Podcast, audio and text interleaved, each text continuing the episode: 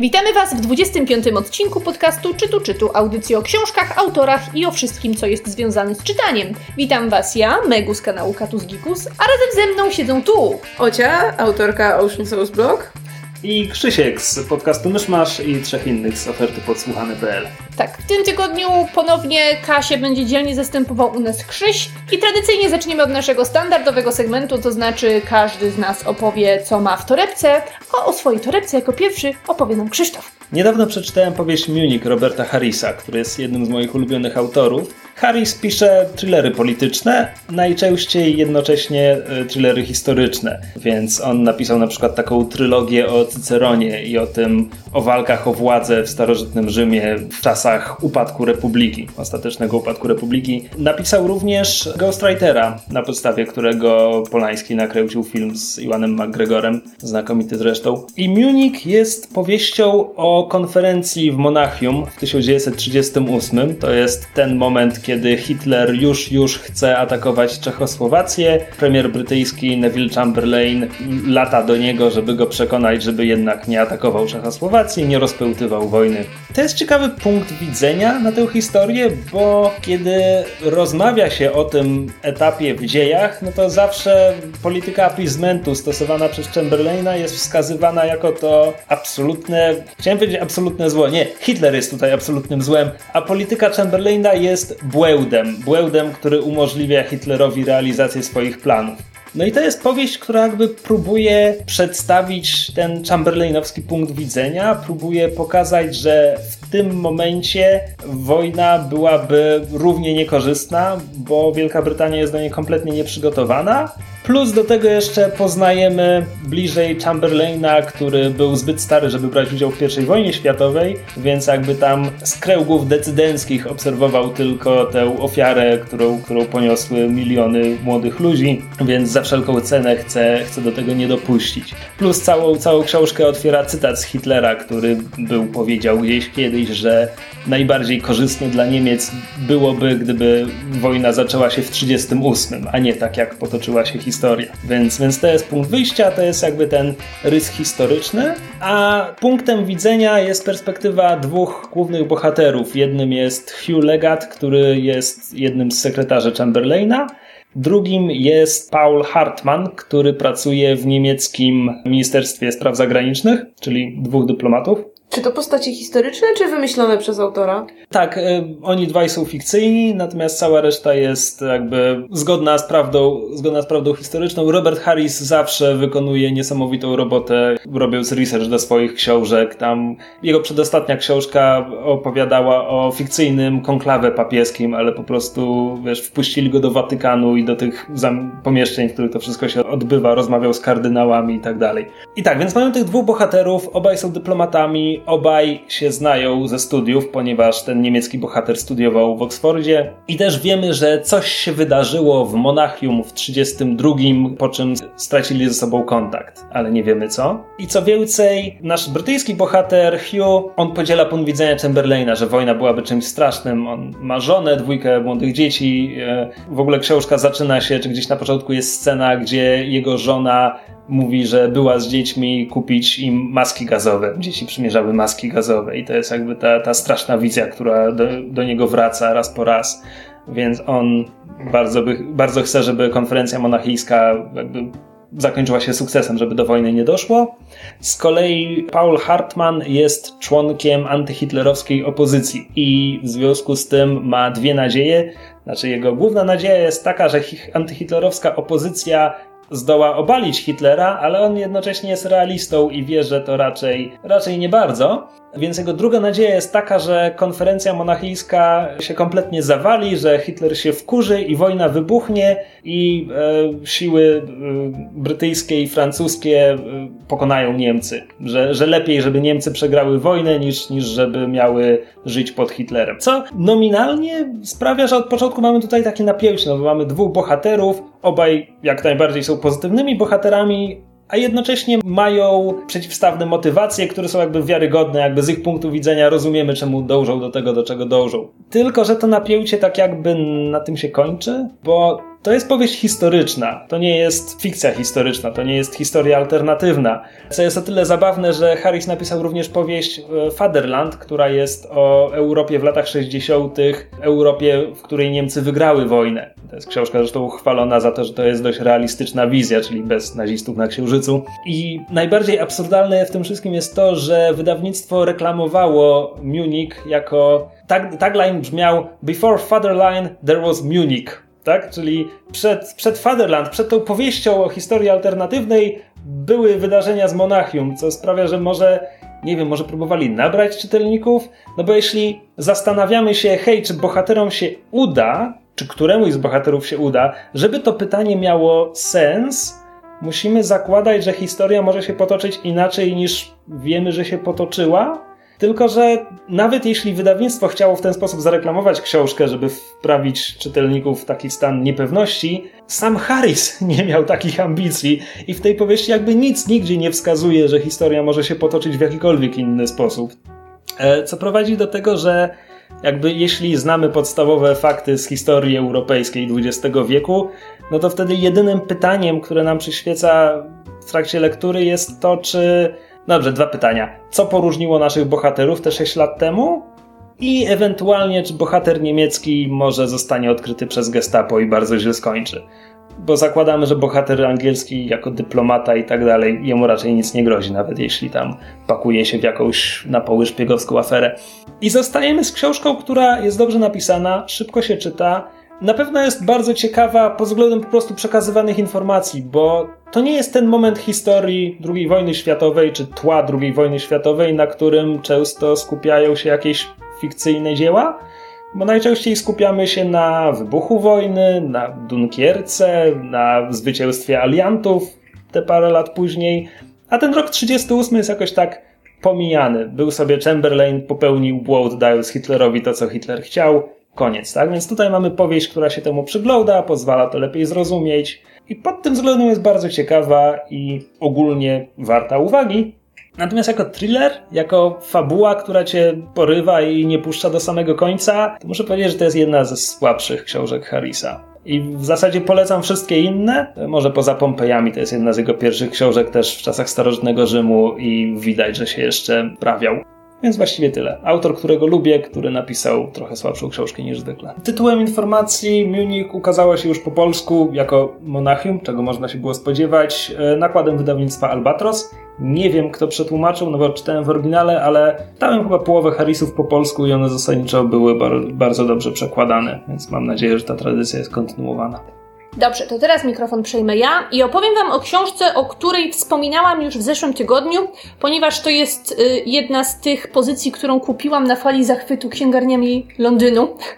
I to jest książka pod tytułem Why I am no longer talking with white people about race. I tak chwilę się waham nad tym white people. A, źle przeczytałam, two white people, ponieważ ta część na okładce jest napisana, y, tam nie ma tuszu ona jest tylko wytłoczona w okładce, także praktycznie jej nie widać, co jest bardzo, bardzo ciekawym zabiegiem.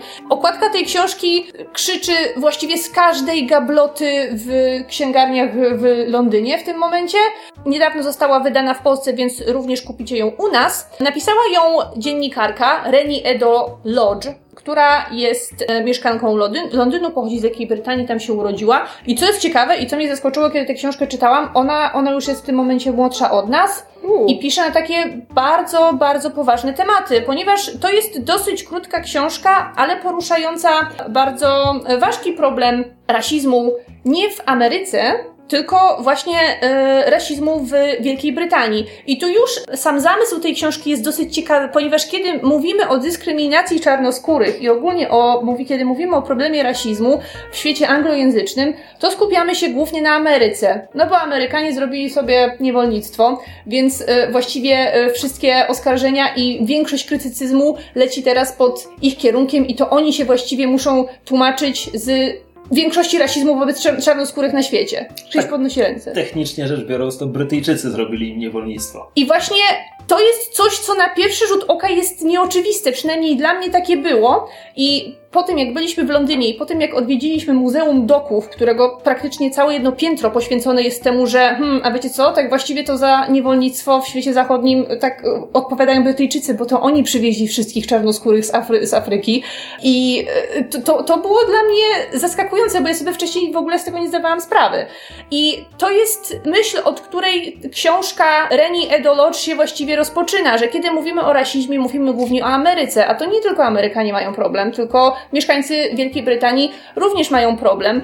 Zwłaszcza y, z tym, że y, jeżeli tak się zastanowicie, to nie wiem, wydaje się, że w ogólnej, zbiorowej świadomości istnieje takie przeświadczenie, że imigranci zaczęli przyjeżdżać do Wielkiej Brytanii dopiero w XX wieku i to od tego XX, czy tam, y, no może koniec XIX wieku. Dopiero od wtedy zaczyna się ten taki słynny y, brytyjski multikulturalizm, to znaczy, że tam wszystkie kolory skóry, wszystkie światowe kultury się skupiają na tym jednym obszarze, a przecież tak wcale nie było, ponieważ ludzie pochodzenia afrykańskiego mieszkali tam już od setek lat, bo zostali przez tych Bryty Brytyjczyków tam sprowadzeni do pracy, bo niewolnicy byli również w Wielkiej Brytanii, chociaż Wielka Brytania dała im niewiele wcześniej, ale wcześniej wolność przed Stanami Zjednoczonymi. I to jest książka zrodzona z wielkiej frustracji autorki, ponieważ Reni jest y, działaczką feministyczną i działaczką na rzecz praw mniejszości, która od lat próbuje rozmawiać z białymi ludźmi na temat, tego, na temat tego, z jakimi problemami ludzie o niebiałym kolorze skóry spotykają się na co dzień w swoim życiu i nikt jej nie słucha. Nie w takim sensie, że wszyscy odwracają głowę i nie chcą z nią rozmawiać, ale pewnym momencie większość tych rozmów doprowadza albo do kłótni, albo doprowadza do, do tego, że ona mówi do ściany, ponieważ, no niestety, biali ludzie odrzucają taki zamysł, że rasizm, strukturalny rasizm, bo to ona, czy strukturalno-systemowy rasizm, bo to głównie o nim e, autorka mówi w, tej książce, ciągle istnieje i ciągle jest żywy i że tak naprawdę wszyscy jesteśmy jego częścią, bo to jest myśl, przed którą większość ludzi się jednak wzbrania, bo nie fajnie jest myśleć o sobie jako o kimś, kto również posiada jakieś rasistowskie uprzedzenia. Wszystkim wydaje się, że y, rasizm już dawno odszedł, bo to był tylko Ku Klux Klan i ludzie, którzy na początku XX wieku latali w białych kołnierzach i linczowali czarnych w Ameryce, a to nie jest prawda. I właśnie to y, autorka próbuje w tej y, swojej książce udowodnić. I ona pisze, powiedziałam, próbuje udowodnić, tak jakby to nie, nie była prawda. Powiedziałaś, że latali w białych kołnierzach. w białych kapturach, przepraszam bardzo. I ja bardzo lubię takie tematy, bo ja generalnie jestem strasznie zainteresowana ogólnie prawami mniejszości i y, problemami ludzi, których, z których ja nie dzielę ze względu na swoje jakieś społeczne uprzywilejowanie. No a u, u, nas w Polsce to w ogóle ciężko jest mówić o takich sprawach, bo nie mamy tych samych problemów w takim wymiarze jak autorka książki, bo wiadomo, że tam w Wielkiej Brytanii kultura y, wygląda inaczej i też system społeczny i struktura społeczeństwa ze względu na obecność różnych ludzi z różnych kultur wygląda zupełnie inaczej niż w Polsce. Co mi jednak charakterowi nie, nie, nie przeszkodziło wydać tej książki również u nas, dlatego że to jest bardzo ważny problem ogólnie na świecie, a nie tylko w perspektywie jednego, y, jednego kraju. Czyta się to jednocześnie fascynująco, ponieważ to jest, tak jak powiedziałam, problem, który mnie interesuje, a jednocześnie strasznie trudno. Ponieważ, tak jak, e, tak jak wspomniałam, autorka Autorka tutaj jedzie na wściekłej furii właściwie przez cały czas. I to nie jest tak, że ona przeklina i że obraża ludzi, do, do których ona próbuje przemówić, ale widać w niej taką okropną frustrację, która ciebie jednocześnie jako czytelnika trochę irytuje. Bo w tym całym problemie rozmawiania o rasie i o współczesnym rasizmie zawsze pojawia się ten taki impas, kiedy próbujesz z kimś o tym rozmawiać, a jednocześnie zadaje, boisz się zadawać niektóre pytania, żeby nie zostać uznanym za kogoś, kto ma jakieś uprzedzenia, albo nie zostać uznanym za rasistę. Dlatego pojawiają się tu takie problemy tej tak zwanej pozytywnej dyskryminacji i czy ona naprawdę jest dobra i czy powinno się na przykład stosować te wszystkie programy, które zobowiązują pracodawców do przyjmowania na rozmowy rekrutacyjne osoby reprezentujące jakieś mniejszości, i, i, zawsze, i, I zawsze pojawia się na przykład u mnie, pojawia się, pojawia się takie pytanie, czy rzeczywiście to jest dobre i czy rzeczywiście tak powinno być, czy rzeczywiście nie powinniśmy rekrutować do pracy ludzi bazując tylko na ich doświadczeniu, a nie na jakimś tym e, procencie, e, procencie osób reprezentujących mniejszość, które powinny się znaleźć w naszej firmie. I zazwyczaj w mediach mam wrażenie, że na tym etapie dyskusja staje, bo uznajemy, że no to jest oczywiste, że to jest dobre, że tak powinno być, kropka. I nikt nie wyjaśnia, dlaczego, dlaczego tak jest. Autorka próbuje to wyjaśnić i to jest coś, za co, za co strasznie, ją, strasznie ją e, doceniam, bo ona daje mi odpowiedzi na pytania, których ja się sama boję zadawać. Podejmuje ten taki intelektualny wysiłek wyjaśnienia swojego stanowiska na punkcie na poziomie emocjonalnym, na poziomie społecznym i to jest, i to jest strasznie trudne do przekazania, bo to jest ta taka dyskusja, w której zawsze będą emocje i zawsze biali ludzie, którzy rozmawiają na ten temat, będą się w pewnym momencie czuli urażeni i będą się po prostu czuli atakowani. Ja przynajmniej tak mam. No to się akurat nie wstydzę o tym powiedzieć, że, że, że, że ja tak mam, a jednocześnie wciąż jest to książka, którą się ciężko czyta i ciężko zaakceptować mi taki ton autorki, bo to jest coś, co w niej rosło przez całe życie, rosło to w niej przez lata i ona po prostu w pewnym momencie już nie, nie wytrzymuje i musi, i musi powiedzieć, że raz, y, biali ludzie, ja nie chcę z wami rozmawiać, bo mam dość rozmawiania z wami, bo wy nigdy mnie nie słuchacie, więc ja wam napiszę książkę, żebyście sobie ją poczytali, chociaż y, wiem, że prawdopodobnie i tak nie zrozumiecie mi o co chodzi, to jest tego rodzaju, to jest tego rodzaju ton, a i tak wolałabym, żeby ona to napisała, nie wiem, jeszcze grzeczniej, żeby to napisała w jeszcze bardziej łopatologiczny sposób, żeby ja, jako głupi człowiek, który nie ma takich problemów jak ona, mógł to jeszcze lepiej zrozumieć. Dlatego to jest, to jest trudna książka do czytania, która trochę każe czytelnikowi zmierzyć się z własnymi uprzedzeniami, bo to nie jest taka książka, która cię poklepie po pleckach i powie, oj, ty jesteś dobry, ty szanujesz wszystkich czarnych, więc ty nie masz żadnego problemu. Nie, to jest książka, która ci powie, mamy zjawisko zinstytucjonalizowanego, strukturalnego rasizmu, który ciągle istnieje i ono, i ono nie zniknie. I to ty jesteś winny, biały człowieku, bo każdy w jakiś sposób się do tego przyczynia. A dodatkowo są też tutaj rozdziały poświęcone feminizmowi temu czarnemu feminizmowi i dlaczego biały feminizm jest zły i dlaczego czarne kobiety, które czują się feministkami, tak naprawdę nie odnajdują się w całym globalnym ruchu feministycznym. Jest też cały rozdział o popkulturze, więc y, o tym, co jest nam tak bliskie, bo tam się pojawiają te aktualne, bardzo aktualne tematy typu y, Idris Elba jako Bond, albo y, Hermiona na scenie Przeklętego Dziecka grana przez czarnoskórą aktorkę. Y, I, i, to, się, to się bardzo fajnie czytało, bo akurat pod tym względem się bardzo, bardzo z autorką zgadzamy, a ona wciąż jest w stanie przekazać swoje myśli w o wiele mądrzejszy, mądrzejszy sposób niż, niż ja, więc ja to zawsze bardzo doceniam. Także w anglojęzycznym świecie to jest pozycja, która w tym momencie zdobyła już mm, status jakiegoś ogromnego bestsellera i chyba wszyscy to czytają z tego, co udało mi się dowiedzieć.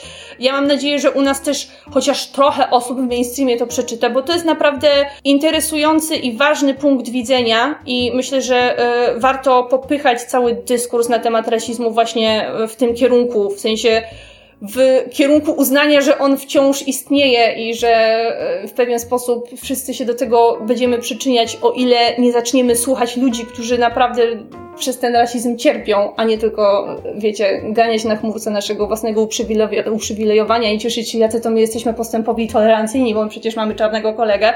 Także ja wszystkim, wszystkim bardzo tę książkę polecam.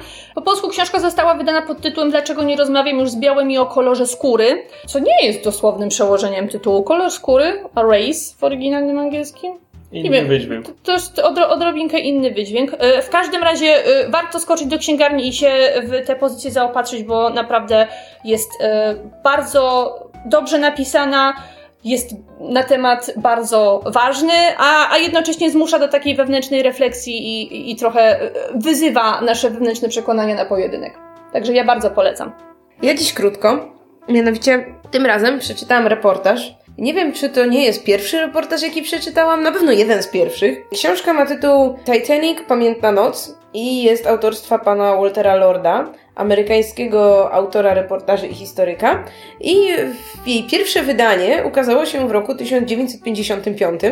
U nas zaś w roku 2016 nakładem wydawnictwa Agora przy okazji wystawy, która przez y, blisko rok była do obejrzenia w Pałacu Kultury poświęconej właśnie katastrofie Titanica. Nie wiem, czy byliście, O, bo, myśmy bo byli. ja byłam. My też byliśmy. O, no to fajnie. Pamiętasz, Krysiu? Tak, tak, pamiętam. I właśnie y, na okoliczność tej wystawy ukazała się jedna chyba z najsłynniejszych pozycji reportażowych y, poświęconych tej katastrofie. Książka, która jest no, na świecie niesamowitym bestsellerem, wznawiano ją mnóstwo, mnóstwo razy i jest o tyle ciekawa, że autor od najmłodszych lat zbierał pamiątki poświęcone tej katastrofie, bo kiedy do niej doszło, on, on był wtedy dzieckiem i zaczął kolekcjonować niektóre przedmioty, które stamtąd wydobyto i które dało się kupić i właśnie od najmłodszych lat interesował się tymi wielkimi liniowcami. I y, po wielu latach i po odbyciu rozmów z 63 ocalałymi pasażerami udało mu się napisać właśnie reportaż, który jest taką relacją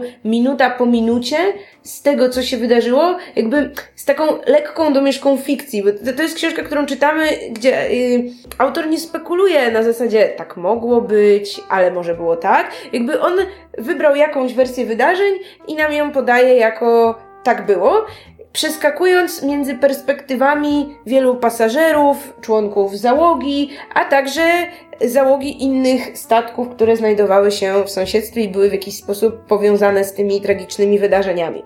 Relacja zaczyna się 15 kwietnia, czyli już tego dnia i właściwie w tej chwili, kiedy dochodzi do zderzenia z górą lodową, nie zaczynamy od samego początku rejsu, bo to autora nie interesuje. Śledzimy perspektywy osób płynących w różnych klasach i zajmujących się różnymi rzeczami na tym statku, jak z ich perspektywy to wszystko wyglądało. Czyli oczywiście w chwili zderzenia z górą lodową pasażerowie pierwszej klasy spokojnie grają w karty, albo piją drinki, albo szykują się do snu. Tak samo niezmącenie pracuje część obsługi statku.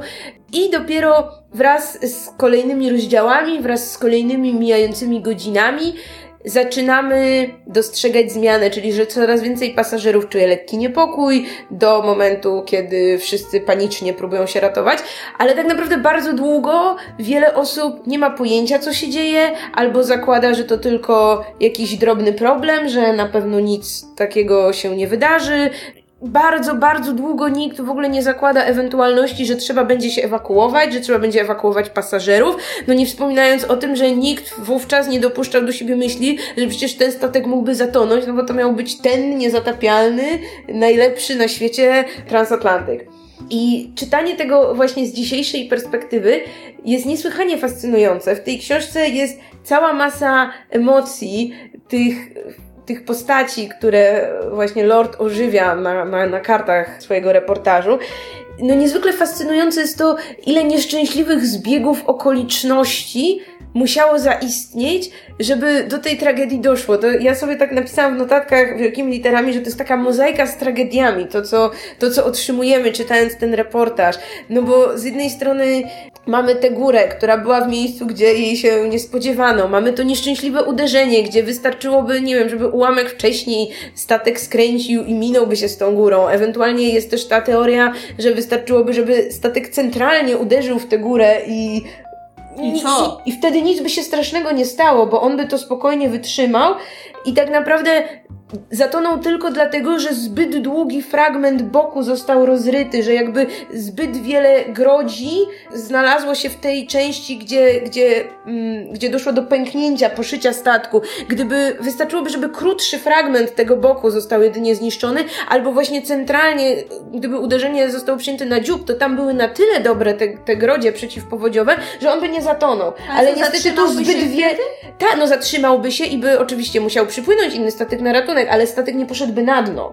Więc jakby najprawdopodobniej wtedy nic y, nikomu by się nie stało. A niestety został rozryty tak nieszczęśliwie, tak długi fragment właśnie tej bocznej burty, że, że, że grodzie przeciwpowodziowe okazały się bezradne jakby w obliczu, w obliczu tych zniszczeń. Sytuacja, o której ja nie miałam pojęcia, to znaczy, że w bardzo bliskiej odległości, dosłownie kilku, kilkunastu mil od y, Titanica, znajdował się inny statek. Taki, nie, to, to, to był niewielki y, statek, który prawdopodobnie jedynie na ścisk może pomieściłby nam wszystkich tych stojących ludzi, ale jednak i o mój Boże, tam doszło do takiego gigantycznego fakapu, bo to były trochę inne czasy, jeśli chodzi o komunikowanie się między statkami, jeśli chodzi o całą tę radiostację i i to, jakie były przepisy dotyczące komunikacji na, na wodzie. I ten statek ostrzegł wcześniej Titanica o tym, że tu jest rejon gór lodowych, dlatego też między innymi ten statek nie płynął. On po prostu sobie zacumował w jednym miejscu, czekając już na nadejście następnego dnia, aż będzie lepsza widoczność, czekając aż te góry lodowe też częściowo tam przepłyną. I i Titanic ich wtedy tak totalnie zbył właśnie na tej linii, na zasadzie, a my jesteśmy tacy super, w ogóle tam góry, pchi, nic nas nie obchodzi. No i oni się trochę obrazili. I później w momencie, gdy Titanic wystrzeliwywał jakieś race, oni byli tacy na zasadzie, E no, strzelają sobie. Ciekawe dlaczego, ale jakby... O Jezu, czyli nie postanowili... przez focha. Trochę tak, jakby tam na noc teoretycznie ktoś miał pilnować tej radiostacji, ale nie nakręcił... Tam, tam to, to, to trzeba było nakręcić, tak jak stare zegarki, trzeba było nakręcić sprężynę, żeby on działał. Tak przy tej starej radiostacji też trzeba było nakręcić sprężynę, żeby ona, żeby ona działała. I ktoś zapomniał to nakręcić. I siedział tam całą noc, ale nie odbierał żadnych sygnałów, bo nie nakręcili sprężyny. I i tam co jakiś czas jeszcze Titanic próbował jakieś tam sygnały świetlne nadawać, ale no jednak była na tyle zła widoczność przez te płynące góry lodowe, że na tym drugim statku wydawało im się, że oni do nich coś wysyłają, ale potem uznali, e nie, chyba światło się tylko tak odbiło, chyba nam się zdawało, więc generalnie jak czyta się o tym, jak te kilkanaście kilometrów jakby stamtąd toną ci ludzie, gdzie najmniejszy ratunek mógłby bardzo, bardzo dużo zmienić, a tam ci ludzie sobie tam śpią spokojnie na tym statku i myślą, że nic się nie dzieje. I dopiero już nad ranem, kiedy zobaczyli, że Titanica nie ma, jak się widoczność, jakby nastał dzień, tak zobaczyli, że hmm, tam był statek parę godzin temu, a teraz go po prostu nie ma, to zrozumieli, że coś się zadziało, ktoś wpadł na to, żeby nakręcić tę radiostację i usłyszeć dopiero o całej tej historii w momencie, jak już tak naprawdę było za późno, by cokolwiek zrobić. No dobra, ale y, jeżeli oni dopiero nad ranem nakręcili te radiostacje, czy te komunikaty wisiały przez cały czas w eterze, bo nad ranem nie, nie, nie, nie, nie, nie, po prostu odebrali sobie, tak, tam już Karpatia potem płynęła po Titanica i tak dalej, więc oni po prostu już z tych bieżących komunikatów potem już wszyscy mówili tylko o tym na linii, że słuchajcie, tej nocy Titanic zatonął, więc jak oni się włączyli, usłyszeli, słuchajcie, tej nocy Titanic zatonął, a oni byli tam tuż obok, Ups. musiało być trochę niezręcznie. Na pewno było im głupio. Tak. To oni są prawdziwymi ofiarami tej historii. Więc, ale ja powiem wam, że ja generalnie mam jakąś taką słabość do wielkich katastrof i no mnie bardzo tak na emocje weszło czytanie o tym, czytanie takich totalnie zwyczajnych wyimków na zasadzie, że ktoś próbował, nie wiem, swoich bliskich umieścić w łodzi ratunkowej, na zasadzie, że jakiś członek załogi na przykład oddał swoje miejsce innej osobie, no, że starano się mimo wszystko uratować wszystkie dzieci, chociaż jak wiemy, no na przykład w przypadku pasażerów trzeciej klasy, no nie udało się to i o ile właśnie większość kobiet i dzieci z pierwszej i drugiej klasy ocalała, no to w przypadku trzeciej klasy y, niestety większości nie udało się uratować, no, bo nikt wtedy nie dbał w ogóle o tych no, ludzi. No właśnie powiedzmy sobie szczerze, że ich totalnie olali, nie? Tak więc no, tej nocy zginęło 1514 osób i to jest książka w jakimś sensie poświęcona im wszystkim i yy, wydaje mi się, że jeśli kogokolwiek, jakkolwiek obchodzi ta katastrofa, to jest to świetna pozycja, żeby po nią, po nią sięgnąć. Nie jest, nie jest gruba, to jest niecałe 200 stron. Jest bardzo ładnie wydana właśnie przez Agorę w takim większym, takim kwadratowym formacie, też z kolorowymi wstawkami ilustrującymi na przykład to, jak wyglądał ten statek i właśnie tam są dokładnie pokazane te grodzie i tak dalej, i tak dalej. Tłumaczenie Marii Zawadzkiej też bardzo dobre, na tyle, na ile nie znam się na statkach. Polecam. A ja mam jeszcze takie pytanie. Y, masz, wiesz może, czy ta książka była uzupełniana w kolejnych wydaniach? Bo pierwsze wydanie ukazało się 30 lat przed tym, jak znaleźli wrak Titanica. Y, wydaje mi się, że tylko wstęp i przedmowa zostały potem dopisane i została uzupełniona lista ofiar katastrofy, bo tam na samym końcu jest lista absolutnie wszystkich w ogóle pasażerów, Wydaje mi się, że uzupełniono ją w jakimś momencie o tę trzecią klasę, że przy pierwszym wydaniu w ogóle nikt o nich nie zadbał i dopiero później, później dodano. Ale w ogóle aut, autor był jednym z konsultantów Jamesa Camerona podczas tego, gdy kręcili Titanica. To w ogóle, więc wydaje mi się, że on i tak wiedział najlepiej, nawet zanim jeszcze odkryto wrak. I to by było na tyle, jeżeli chodzi o nasze tego tygodniowe torebki. I przejdziemy sobie teraz do naszego tematu tygodnia. A tym razem chcielibyśmy opowiedzieć Wam trochę o czytaniu książek w oryginale. Ponieważ myślę, że e, każdy z nas to robi, każdy z nas e, zaczęło w dość e, młodym wieku czytać w różnych językach, a że wydaje się być to dosyć modne w tym momencie, a dla niektórych jest już totalnie normalne, także właściwie się pół książek czyta po polsku, pół po angielsku, albo w ogóle się nic nie czyta po polsku. Także dzisiaj sobie porozmawiamy o tym zjawisku w różnych perspektywach, jak do tego dochodzi, czy to lubimy, co to nam może dawać i jednocześnie będziemy chcieli trochę zahaczyć o tłumaczenia, bo to jest akurat nasz taki konik i każdy z nas się trochę na tym zna. Czy ja mogę zadać takie pytanie na rozruch? Dajesz. Od, od czego i dlaczego właściwie zaczęłyście czytać w oryginale? U, u mnie to jest banalnie proste, więc pomijając jakieś takie proste książeczki wydawane dla osób uczących się języka, jakby takie sztuczne twory, to taką pierwszą prawdziwą powieścią, jaką przeczytałam y, w pełni po angielsku, był czwarty tom Harry'ego Pottera, czyli Harry Potter i Czara Ognia. Z tej prostej przyczyny, że skończyłam czytać trzy tomy, do czwartego tomu po polsku, y, no to był mniej więcej pół rok czy półtora roku przerwy, a ja stwierdziłam, że nie będę czekać i spróbuję przeczytać po angielsku, zobaczymy ile zrozumiem. Miałam wtedy 13 lat. Skończyłam szkołę podstawową, to były wakacje właśnie przed gimnazjum. Kupiłam te czary ognia. I słuchajcie, nie zrozumiałam wszystkiego. Pamiętam to do dzisiaj, że po tym jak czytałam ją po polsku, to tam zaskoczyło mnie parę rzeczy, których po angielsku wtedy jeszcze w ogóle nie zrozumiałam, ale wiedziałam jaki był sens, wiedziałam co się wydarzyło, byłam z siebie bardzo dumna. No i od tamtej pory nie tylko już, po pierwsze czytałam wszystkie kolejne tomy Harry'ego Pottera po angielsku, jak tylko ukazywały się właśnie w Anglii, no to też stopniowo coraz więcej i coraz więcej innych książek. E, no to ja Was tutaj zaskoczę i powiem Wam, że pierwszą książką e, przeczytaną w innym języku niż polski e, było, nie zgadnijcie co, Harry Potter.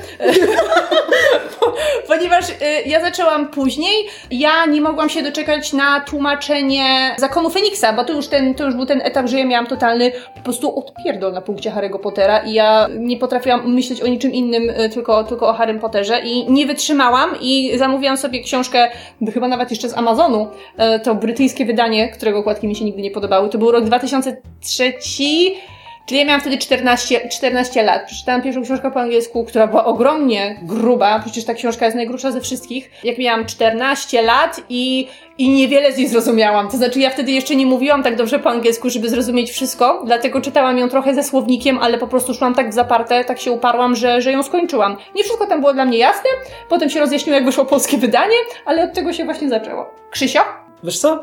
Ktoś mi po prostu powiedział, że przeczytanie książki po angielsku to jest dobry sposób, żeby, żeby się nauczyć języka lepiej. No way. I, prawda? No, ale, ale, ktoś mi musiał to powiedzieć wtedy. To było jakieś wczesne gimnazjum, miałem 13-14 lat chyba. No to ten sam etap. Może jak, jacy z nas poligloci. I przyjaciel mojego ojca podsunął mi ze swojej półki Shoguna Jamesa Clavella po angielsku. Uuu, wiesz, to jest na zasadzie, na zasadzie, tak, 1543 strony, pamiętam do dziś. języka, wow! Ale, ale wiesz co, to było na zasadzie, jakby on, on wiedział, że ja się interesuję tam ogólnie światem, podróżami i w ogóle, a to, jest, a to jest powieść przygodowa w Japonii i w ogóle i może zapomniał ile tam jest seksu i tortur i tak dalej. Kto wie, hej, przy, ahoj przygoda. Przez kilkaset stron to dosłownie było czytanie ze słownikiem gdzieś, gdzieś obok, bo wtedy dużo słownictwa mi brakowało. Wiesz, powieść XVI wiek, Japonia, a ja nie wiem, co to znaczy bał, a oni ciągle gdzieś tam boat, boat, co oni robią, nie wiem. A, kłaniają się. Okej, okay, dobra, jedziemy dalej. Powiedziałeś boat, a nie boat. Też usłyszałam boat, zastanawiam się, czemu nie znajdę słowa łódka. No i tam łódź, łódź, łódź. No więc e, główny bohater jest pilotem, więc łodzie też tam były. W każdym razie wciągnęło mnie i spodobało mi się jakby od tego czasu, od tego czasu regularnie się ugałem po książki po angielsku. Mam wrażenie, że teraz to ja po prostu więcej czytam po angielsku niż po polsku. Ten, ten, żeby, ja myślę, że ja mogę jeszcze wspomnieć o tym, że ja czytałam też książki kiedyś po japońsku i nie zgadnijcie, jaka, było, jaka była pierwsza książka, którą przeczytałam po japońsku. Był nią, uwaga, Harry Potter. Harry Potter. ja sobie w pewnym momencie kupiłam wszystkie części wydane też po japońsku i to już, to już na studiach je czytałam, więc tak około, chyba zaczęłam jak, jak byłam na drugim roku i skończyłam na czwartej części i nigdy dalej nie przeszłam, ale to już, były, to już było takie czytanie, że ja miałam e, przez cały czas te moje Densho, czyli mój elektroniczny słownik, ja to czytałam po prostu prostu przez cały czas ze, ze słownikiem, bo ja nigdy nie byłam na takim etapie z japońskim, żebym mogła sobie czytać tak jak teraz sobie czytam po japońsku, po, po, po, po, angielsku. Może kiedyś do tego wrócę. Ja bym zadała w tym momencie drugie, wydaje mi się, dosyć zasadne pytanie, skoro już ustaliliśmy, że czytamy po angielsku, czy generalnie w oryginale, dlaczego to robimy. To znaczy, nawet nie, nie, chodzi mi tu o aspekt, nie mogę się doczekać, aż książka wyjdzie po polsku, więc czytam ją po angielsku, bo tak bardzo mi zależy, żeby tę książkę już teraz przeczytać. Wiesz, chodzi mi o ten. Aspekt dostępności jest tutaj bardzo Tak, ważny. tak, ale bardziej mi chodzi nawet, czemu czytamy książki, które da, w danym momencie powiedzmy są dostępne i po polsku, i po angielsku, czemu decydujemy się je czytać po angielsku? Bo wydaje mi się, że to jest jakby ta bardziej interesująca kwestia, no bo jakby dostępność jest oczywista, no chcemy już, możemy, więc czemu nie? Wiesz co, no to tutaj ja mogę odpowiedzieć na przykładzie mojego ulubionego autora, czyli Terego Pratchetta, którego zacząłem czytać w jeszcze wcześniejszej podstawówce gdzieś tam i bardzo długo czytałem go po polsku w świetnym przekładzie e, Piotra Cholewy. Piotra Cholewy. Ale jak już zacząłem czytać po angielsku, przeskoczyłem na angielskiej. Zasadniczo już nigdy nie wróciłem, może tam przy wolnych ciut ludziach. Co z kolei było błędem, bo pierwsze wydanie przełożył ktoś inny i kompletnie zarżnął Pratchetta. Natomiast Chodziło mi głównie o to, że ja chciałem przeczytać to, co napisał Pratchett, bo przetłumaczona książka, jasne, fabuła się zgadza, wydarzenia się zgadzają, ale w wypadku, w wypadku Świata Dysku, który jest serią w dużej mierze komediową, aczkolwiek im dalej w las, tym miało to mniejsze znaczenie, sam ten humor ma inny wydźwięk i nieco inny charakter. I te książki po polsku i po angielsku mają inne konotacje, inne. opisują trochę inny świat. Zwłaszcza, że to jest książka fantazy, tak? Opisująca, opisująca kompletnie wymyślony przez Pratchetta świat. Ten świat jest inny po angielsku i po polsku. I to jest kwestia takich rzeczy, jak kiedy, kiedy na przykład zaczynamy tłumaczyć nazwiska, nie wiem, nazwiska krasnoludów one jasne dalej będą się odnosiły jakoś do siły fizycznej, czy do, czy do tego, że pracują w kopalniach, czy coś takiego, ale po polsku nabierają innego charakteru i ja się zaraz zaplączę kompletnie, bo nie do końca wiem, jak ująć to, o co mi chodzi. Już bez konkretnych Wydaje przykładów, się, że... jakby to, to, co, to, co w oryginale, dajmy na to, odnosi się bardziej do podziału klasowego, który w Wielkiej Brytanii jest bardzo silny, tak? I, i Pratchett często nawiązywał do takich rzeczy. W Polsce jakby nie mamy takiego podziału klasowego jak Wielka Brytania i dlatego w polskim przekładzie to się kompletnie zatraca. Nawet jeśli w samym języku jest jeszcze jakoś obecne. Albo właśnie inaczej, ponieważ to się zatraca, więc tłumacz musi to zastąpić. I, I, nagle to, co w oryginale nawiązuje do podziału klasowego, w tłumaczeniu sugeruje jakiś bardziej podział geograficzny, bardziej, że ktoś jest z małego miasteczka, a nie, a nie z niższej klasy. To zmienia wymowę tekstu. Wydaje mi się, że chyba wiem o co ci chodzi. To znaczy, ja bym nazwała to w ten sposób, że każdy tłumacz, choćby był najlepszym tłumaczem i przekładał książkę, zawsze musi zdecydować się na jakąś strategię translatorską. I później dochodzimy do tego problemu, czy no, nam jako czytelnikowi po pierwsze ta strategia akurat dla danej książki odpowiada czy nie odpowiada, a po drugie ona zawsze będzie jakaś i z jednej strony tłumacz staje najczęściej przed tym powiedzmy wyborem, czy, czy robić adaptację, czy transfer, czyli to się nazywa, czy, czy jako strategię przyjąć domestykację, czy egzotyzację, czyli czy tak jak mówisz, mamy na przykład te klasy. Tłumacz może nam to przybliżyć na dwa sposoby, czyli po pierwsze może nam to przełożyć dosłownie tak jak jest w oryginale i zrobić przypis, na przykład opisując, że w Wielkiej Brytanii to mamy klasy takie i takie, autor tu odwołuje się do tego i do tego, to, to, to jest bardziej ten transfer, a jeśli pójdzie w adaptację, no to właśnie może to zamienić na coś, co jest nam bliższe kulturowo, czyli na przykład właśnie, nie wiem, na mieszkańca małego miasteczka i to jest, to jest zawsze po pierwsze, to jest zawsze jakiś ten wybór, z którym jakby my już zostajemy jako czytelnik, my już tu nie mamy nic do powiedzenia. No a po drugie, tłumacz zawsze we, y, mimowolnie operuje jakimś swoim idiolektem i przy przekładzie tej książki my obcujemy z idiolektem tego tłumacza i niekoniecznie to jest ten sam idiolekt, co w przypadku autora książki, więc kiedy mamy ten wybór, kiedy jakby mamy na tyle y, wysokie kompetencje językowe, żeby móc z tym oryginałem obcować, no to jesteśmy siłą rzeczy no najbliżej jak się da tego, co autor chciał nam przekazać. Znaczy, oczywiście wciąż możemy nie zrozumieć jakiegoś odniesienia, bo jest nam kulturowo obce, bo mimo, nie wiem, lat nauki nigdy się z tym nie zetknęliśmy, ale nikt nam nie narzuca tutaj jakby tego swojego wyboru, tej swojej strategii, swojego postrzegania różnych rzeczy i przy żadnym tłumaczeniu nigdy nie będziemy tak blisko z książką, jak jesteśmy w przypadku oryginału. I wydaje mi się, że y, w przypadku właśnie, nie wiem, czy to y, książek, które są nam szczególnie bliskie, w przypadku autorów, których szczególnie lubimy, czy jakichś konkretnych tytułów, gdzie, nie wiem, to nagromadzenie kulturowych odniesień jest jakieś szczególnie ważne dla tej książki,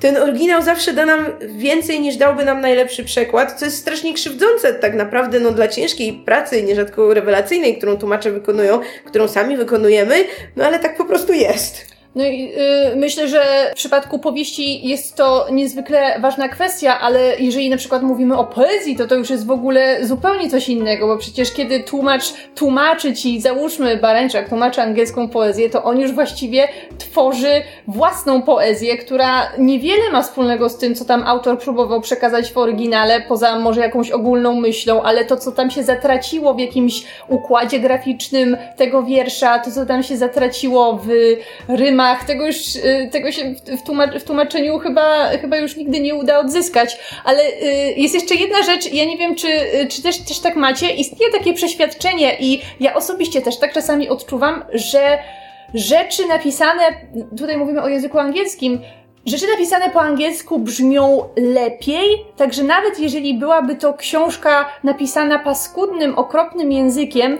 to i tak, to i tak w oryginale po angielsku wypadałaby odrobinkę lepiej niż jej przekład po polsku. Ja tak przynajmniej Wiesz mam. Co? Tylko i wyłącznie dlatego, że angielski nie jest twoim ojczystym językiem i nie masz tego wyczucia. Nie masz tego poczucia, że coś źle napisanego po angielsku brzmi durnie. Mhm. A z kolei przełożony na polski będziesz widziała, że to jest durne. Ja przeczytałem w życiu bardzo dużo kiepskiej lub jeszcze gorszej fantastyki. W większości jest Expanded Universe Gwiezdnych Wojen, Mhm. i który, który jest moim następnym przykładem, bo tam, okej, te książki miały lepszy, gorszy poziom, nieważne. I one były przekładane, nazwijmy to, znośnie. To znaczy były. To był przekład wierny i nikomu nie zależało na tym, żeby był ładny. Więc jeśli autor takiej książki pisał ci o tym, jak to ulicami Coruscant, przepraszam, kanionami Coruscant, przecież tam są wielokilometrowe budynki, kanionami Coruscant latają ci drapieżne hawkbats, to polski tłumacz przekładał to na jastrzębiu nietoperze i nie zastanawiał się nad tym, czy to ma sens, że to zwierzę ma 20 sylab w nazwie i nikt by to, albo nikt by go tak nie nazywał, albo nikt by tego nie używał w mowie potocznej, bo no jastrzębio nietoperze, serio. Przy czym jakby Coruscant Hawkbats jest, Hawkbat jest równie durną nazwą po angielsku. Tylko mniej cię razi. Mniej mnie razi, bo to nie jest mój język. Okej, to pewnie, pewnie masz w tym dużo racji. Ale akurat y, jeżeli chodzi o, o to, dlaczego ja czytam tyle w oryginale, bo w tym momencie to już jest właściwie 50-50, o ile nie więcej czytam po angielsku, no to nie tylko chodzi o tą dostępność, w sensie nie, nie dlatego, że cze- czekam na tłumaczenie, czy właśnie, właśnie nie czekam, bo wolę sobie przeczytać w oryginale, zwłaszcza te książki y, po prostu, na które wyczekuję od miesięcy, o ile nie lat, to po prostu łatwiej jest mi sobie kupić, tudzież ściągnąć, nie oszukujmy się, o wiele łatwiej dostępnego e-booka po angielsku niż przejść się do księgarni po tę samą książkę, która już się na naszym rynku ukazała. Bo jednak u nas y, wciąż ten rynek e-booków nie jest aż tak kompletny jak rynek amerykański, tudzież angielski, gdzie jednocześnie z papierowym wydaniem książki ukazuje ci się e-book i ukazuje ci się od razu audiobook. Y, Więc możesz sobie przebierać w formatach, jakie akurat ci w tym momencie pasują. W ogóle jestem ciekawa, czy też tak macie, bo ja na przykład mam taki podział, które książki wolę czytać tak, a które wolę czytać tak. I to, to, nie, jakby, to nie jest mi zupełnie obojętne. I Mam na przykład, nie wiem, z taką właśnie tą ambitną fantastyką, jak na przykład Uczta Wyobraźni. Ja mam tak, że ja wolę czytać te książki po polsku, bo one z reguły mają bardzo dobre przekłady, są właśnie napisane takim pięknym językiem i przyznam, że mnie jest łatwiej mimo wszystko docenić jakąś taką liryczną, rozbudowaną frazę po polsku, niż jak tylko sobie bym to czytała po angielsku, tak, tak po prostu czytając, bo jakoś tak wtedy musiałabym, nie wiem, bardziej się zastanowić chyba nad tym, że to jest tak pięknie napisane, a jednak po polsku uderza mnie to od razu. I, mm, i to są książki, które no Mm, wiem, że nie trzeba na nie często poczekać kilka lat, zanim się u nas ukażą, ale z reguły, z reguły po prostu czekam. A jak właśnie to są takie, takie czytadełka, takie książki na raz, no jak nie ma ich po polsku, to w ogóle bez sensu czekać, przeczytam po angielsku, a jak mam do wyboru, to właśnie nie wiem, takie na przykład Ready Player One, czytam po angielsku, bo stwierdziłam, że no to jest na tyle kiepska książka, że po angielsku będzie mi ją właśnie łatwiej przełknąć i, i to jest myślę ten taki jednak mój, mój klucz, że ambitne rzeczy po polsku, mniej ambitne rzeczy po angielsku, ewentualnie no czasem jak się trafi, ale to już tak los, losowo. Ja mam podobnie, tylko w trochę innym znaczeniu słowa ambitne. To znaczy, kiedy jest książka, która wiem, że będzie się skupiała na technologii lub nauce, na przykład w wypadku Pratchetta, jeśli chodzi o jego powieści, kompletnie przerzuciłem się na wydania polskie, ale Angielskie. angielskie. Ale Pratchett e, miał też również taki spin-off pisany, pisany wspólnie z paroma innymi autorami, Nauka świata dysku, która, gdzie tam przeplatały się takie krótkie rozdziałiki pisane przez Pratchetta o jakimś tam aspekcie, że tam, nie wiem, magowie z niewidocznego uniwersytetu czymś się zajmują, coś badają i to były przeplatane z rozdziałami non-fiction naukowymi, w miarę dowcipnie napisanymi, przybliżającymi różne zjawiska. Był tom o ewolucji, był tom o powstaniu wszechświata i tym, co się dzieje dalej z materią i tak dalej. I tu stwierdziłem, że jakby mowy nie ma. Jakby jeśli przeczytam to po angielsku, nie zrozumiem absolutnie nic, dlatego naukę świata dysku czytałem wyłącznie po polsku i nie zrozumiałem tylko dwóch trzecich dziełki demo. Super. To znaczy, ja mam podobnie, ale u mnie wygląda to w ten sposób, y, że jeżeli chodzi o takie książki bardziej specjalistyczne, które, którymi ja się pasjonuję, czyli w moim przypadku są to głównie reportaże, to ja nie czekam na konkretny reportaż, aż on się ukaże po polsku, dlatego nie czytam ich zazwyczaj w oryginale, tylko ja czekam na to, co akurat wyda wydawnictwo czarne i dopiero Mhm. wtedy zaczynam się interesować daną pozycją, zwłaszcza tymi y, w serii amerykańskiej. Y, Dlatego akurat, y, jeżeli chodzi o reportaże, to praktycznie wszystkie chyba czytam, czytam po polsku. Chyba, że tak jak po Londynie zdarzy mi się, że coś ciekawego znajdę e, akurat w londyńskiej, w londyńskiej księgarni, to wtedy sobie to kupuję na papierze, ale ja nie czytam e-booków po angielsku z reportażami i jednak po angielsku czytam głównie powieści, a zwłaszcza jeżeli chodzi o takich autorów, których bardzo cenię i na których książki czekam, typu, typu powiedzmy, nie wiem, seria o Kormoranie Strajku J.K. Rowling. Mhm. Ja nie tknęłam tej książki w ogóle po polsku, ja od razu wszystko zaraz po premierze kupowałam po angielsku. No, więc y, u, mnie, u mnie to wygląda w ten sposób. Ja bym chciała nawiązać do tego, co y, jakby tak powiedziałaś, jeśli chodzi o ten wybór, bo to jest właśnie też częściowo, powiedziałabym, problem tego obfi- tej, tej jakby obfitości tego rynku anglojęzycznego. Myśmy o tym w poprzednim odcinku sporo mówili, jak ogromny jest tam wybór pozycji na każdy temat i szczerze mówiąc, mnie się na przykład często nie chce przeszukiwać tych anglojęzycznych zasobów, żeby wiedzieć, że jakaś książka istnieje, że tak to ujmę, tylko właśnie czekam na te selekcje wydawnictw w Polsce, wydawnictw, którym ufam, tak? Jak właśnie na przykład wydawnictwo MAK, które wydaje tę ambitną fantastykę, to ja wiem, że jak oni mi wydadzą książkę w tej konkretnej serii, to na 90% ta książka mi się bardzo spodoba i mogę ją w ciemno kupić. I domyślam się, że na rynku anglojęzycznym książek w tym stylu jest bardzo dużo, tylko jak je w ogóle wyłuskać z tej zalewy po prostu milionów książek wydawanych tam rocznie i jednak mm, jak coś już gdzieś wydają, to z reguły oznacza to, że jest to książka, która w jakiś sposób musiała się przebić, czyli nie wiem, ileś osób w wydawnictwie przeczytało ją, uznało ją za wystarczająco dobrą i jest to jakiś taki już klucz, że jeśli jest to wydawnictwo, któremu ufam, to, to, to jakby ono oszczędza mi tej, tej, tej pracy, tych wykopalisk yy, wśród angielskich książek, których jest po prostu za dużo. Jest jeszcze kwestia zagranicznych książek, które nie zostały napisane po angielsku. I ja wtedy zasadniczo wolę czytać polski przekład niż angielski. Nie potrafię znaleźć ku temu jakiegoś konkretnego wyjaśnienia, bo przecież wcale nie wiem, czy ten polski przekład, dajmy na to, z fińskiego jest lepszy niż, niż angielski przekład. Natomiast jest to jakaś taka zasada, której się trzymam, od której są dwa bardzo konkretne wyjątki. Pierwszy jest taki, że kiedy wiem, że polski przekład i tak jest tłumaczeniem, dajmy na to, z angielskiego tłumaczenia, to wtedy wolę już przeczytać angielskie niż czytać coś, co było tłumaczone dwa razy, bo wtedy to już kompletnie jest inna książka. Ale to się dzisiaj chyba bardzo rzadko zdarza. Wiesz co, z Wiesz co? japońskiego większość książek jest najpierw z angielskiego tłumaczona. A Ciemny las Liu Cixina jak był tłumaczony? Bo był tłumaczony z angielskiego Ale, przekładu. No to, dobra. To, wiesz co, to bardziej będzie kwestia wtedy języków orientalnych i takich Mhm. bardzo egzotycznych, Okej. że nie ma po prostu aż tylu dobrych tłumaczy na rynku, którzy mogliby się tym zająć. Albo po prostu wydawnictwa chcą oszczędzać. No właśnie. E, I drugi bardzo konkretny wyjątek jest taki, który po prostu nie daje mi wyboru, to znaczy czasami zainteresuje mnie książka, właśnie dajmy na to francuskiego czy chińskiego autora, e, która po prostu nie ukazała się po polsku, ale ma tłumaczenie angielskie, no i wtedy jeśli chcę ją przeczytać, no to to jest jedyny sposób. Wiesz, ja właśnie zaczęłam się zastanawiać, kiedy ja ostatnio przeczytałam jakąś książkę, która w oryginale nie była po angielsku i nie potrafię sobie przypomnieć. Nie no, czytałaś jakichś Japończyków. Y, Na studiach, na studiach tak, pod przymusem, tak, ale z własnej woli, ojej, to już naprawdę nic takiego dawno nie czytałam. Czytałam rzeczywiście kilka japońskich powieści jeszcze zanim poszłam na japonistykę.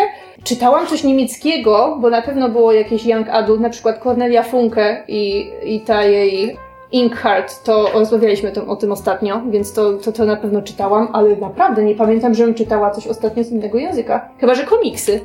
Komiksy po fra- francuskie, hiszpańskie, to tak. To wtedy czytasz je po polsku czy po angielsku? Nie, wtedy czytam je po polsku, bo ja większość komiksów czytam tak, że jednak mam je kupione. Na przykład jakiś Black Sat, na przykład, przecież to jest hiszpański Ach, komiks. ale Black Sat to w ogóle jest taki przypadek, że on po angielsku ukazuje się 10 lat po wydaniu polskim, także o czym my w ogóle mówimy. Jezu, chociaż tyle wygraliśmy. No ja czytałam niemieckiego autora bardzo złą książkę o parku rozrywki i... O, to ty też, Anny, ty, ty, ty czytałeś... Yy... Marka Ellsberga Zero, jakie to było złe. Zero jest dobrą oceną tej książki. No ale powiem wam, że na przykład, no mimo, że znam niemiecki, to nie czytam książek po niemiecku, jeśli nie muszę, czyli no ostatni raz też musiałam na studiach. Ale dlatego, że nie interesujesz się tym, co się wydaje na niemieckim rynku, czy po prostu... Nie interesuje mnie niemiecki jako język w takim stopniu jak angielski i dla mnie jest takim językiem użytkowym. Na przykład, że no jasne, mogę porozmawiać z kimś o rzeczach dotyczących pracy, ale tak jak nie wiem, nie wdaję się z kimś w pogaduszki po niemiecku i nie mówię sama do siebie po niemiecku, a po angielsku tak, no to tak samo czytanie książki po niemiecku było dla mnie trochę dziwne. Chociaż Darka oglądałam po niemiecku, ale to tak. No tak, to serial, to ja też oglądałam Darkę po niemiecku. A W sensie z niemieckimi-. Z niemieckimi napisami o to mi chodzi. A, w tym sensie. Że całkowicie Okej. po niemiecku, żeby Okej. sobie już ten. Ale jakby książkę po niemiecku wydaje mi się, że czytałabym ją jednak z większym bólem, bo na pewno byłyby tam słowa, których mój niemiecki jest pozbawiony, albo który już dawno zapomniał, poruszając się tylko właśnie po tym takim biznesowym poletku. I no szczerze nie chce mi się. Jakby angielski jest dla mnie naturalnym językiem jako jedyny obok polskiego. I tu chyba będziemy kończyć nasz odcinek. Chyba się wyprztykaliśmy ze wszystkich tematów. Tak, ustaliliśmy, że czytamy tak, czytamy siak, że wzbogaca nas to, że czytamy w oryginale, ale czytamy też po polsku i jesteśmy bardzo ciekawi, jak to u Was wygląda. Czy Wy czytacie książki? I od czego zaczęliście? Tak. I dlaczego był to Harry Potter? Tak, czy czytacie książki po angielsku, a może czytacie książki w jakichś innych językach i od czego to zależy? Czy po jakąś książkę sięgniecie właśnie po polsku, w tłumaczeniu, czy może jednak w jej oryginalnym języku? Więc dajcie nam znać w komentarzach. Tak, a poza tym standardzik, możecie nas subskrybować na YouTubie, możecie zostawiać nam komentarze i dawać łapki w górę, możecie wejść, polajkować nasz fanpage, czy tu, czy tu na Facebooku, jak i fanpage naszej sieci podsłuchane.pl, a jak wejdziecie na stronę podsłuchane.pl ukośnik Chrome, to znajdziecie tam wtyczkę do waszej przeglądarki, o ile jest nią Chrome, Lub Vivaldi. żeby otrzymywać listę ostatnio opublikowanych odcinków wszystkich naszych podcastów. Tak samo na naszej nowej, zmodernizowanej stronie podsłuchane.pl z pięknym nowym logiem znajdziecie ostatnio opublikowane odcinki wszystkich naszych podcastów i piszcie nam maile na czytu my je wszystkie czytamy i kiedyś na nie odpowiemy. I wszystkie książki, o których dzisiaj mówiliśmy, znajdziecie pod odcinkiem i linki do nich też. Tymczasem dziękujemy Krzysztofowi za udział w naszych dwóch ostatnich odcinkach Cała przyjemność po mojej stronie. i widzimy slash słyszymy się za tydzień, hopefully. Więc trzymajcie się ciepło. Pa, pa! Cześć. Pa!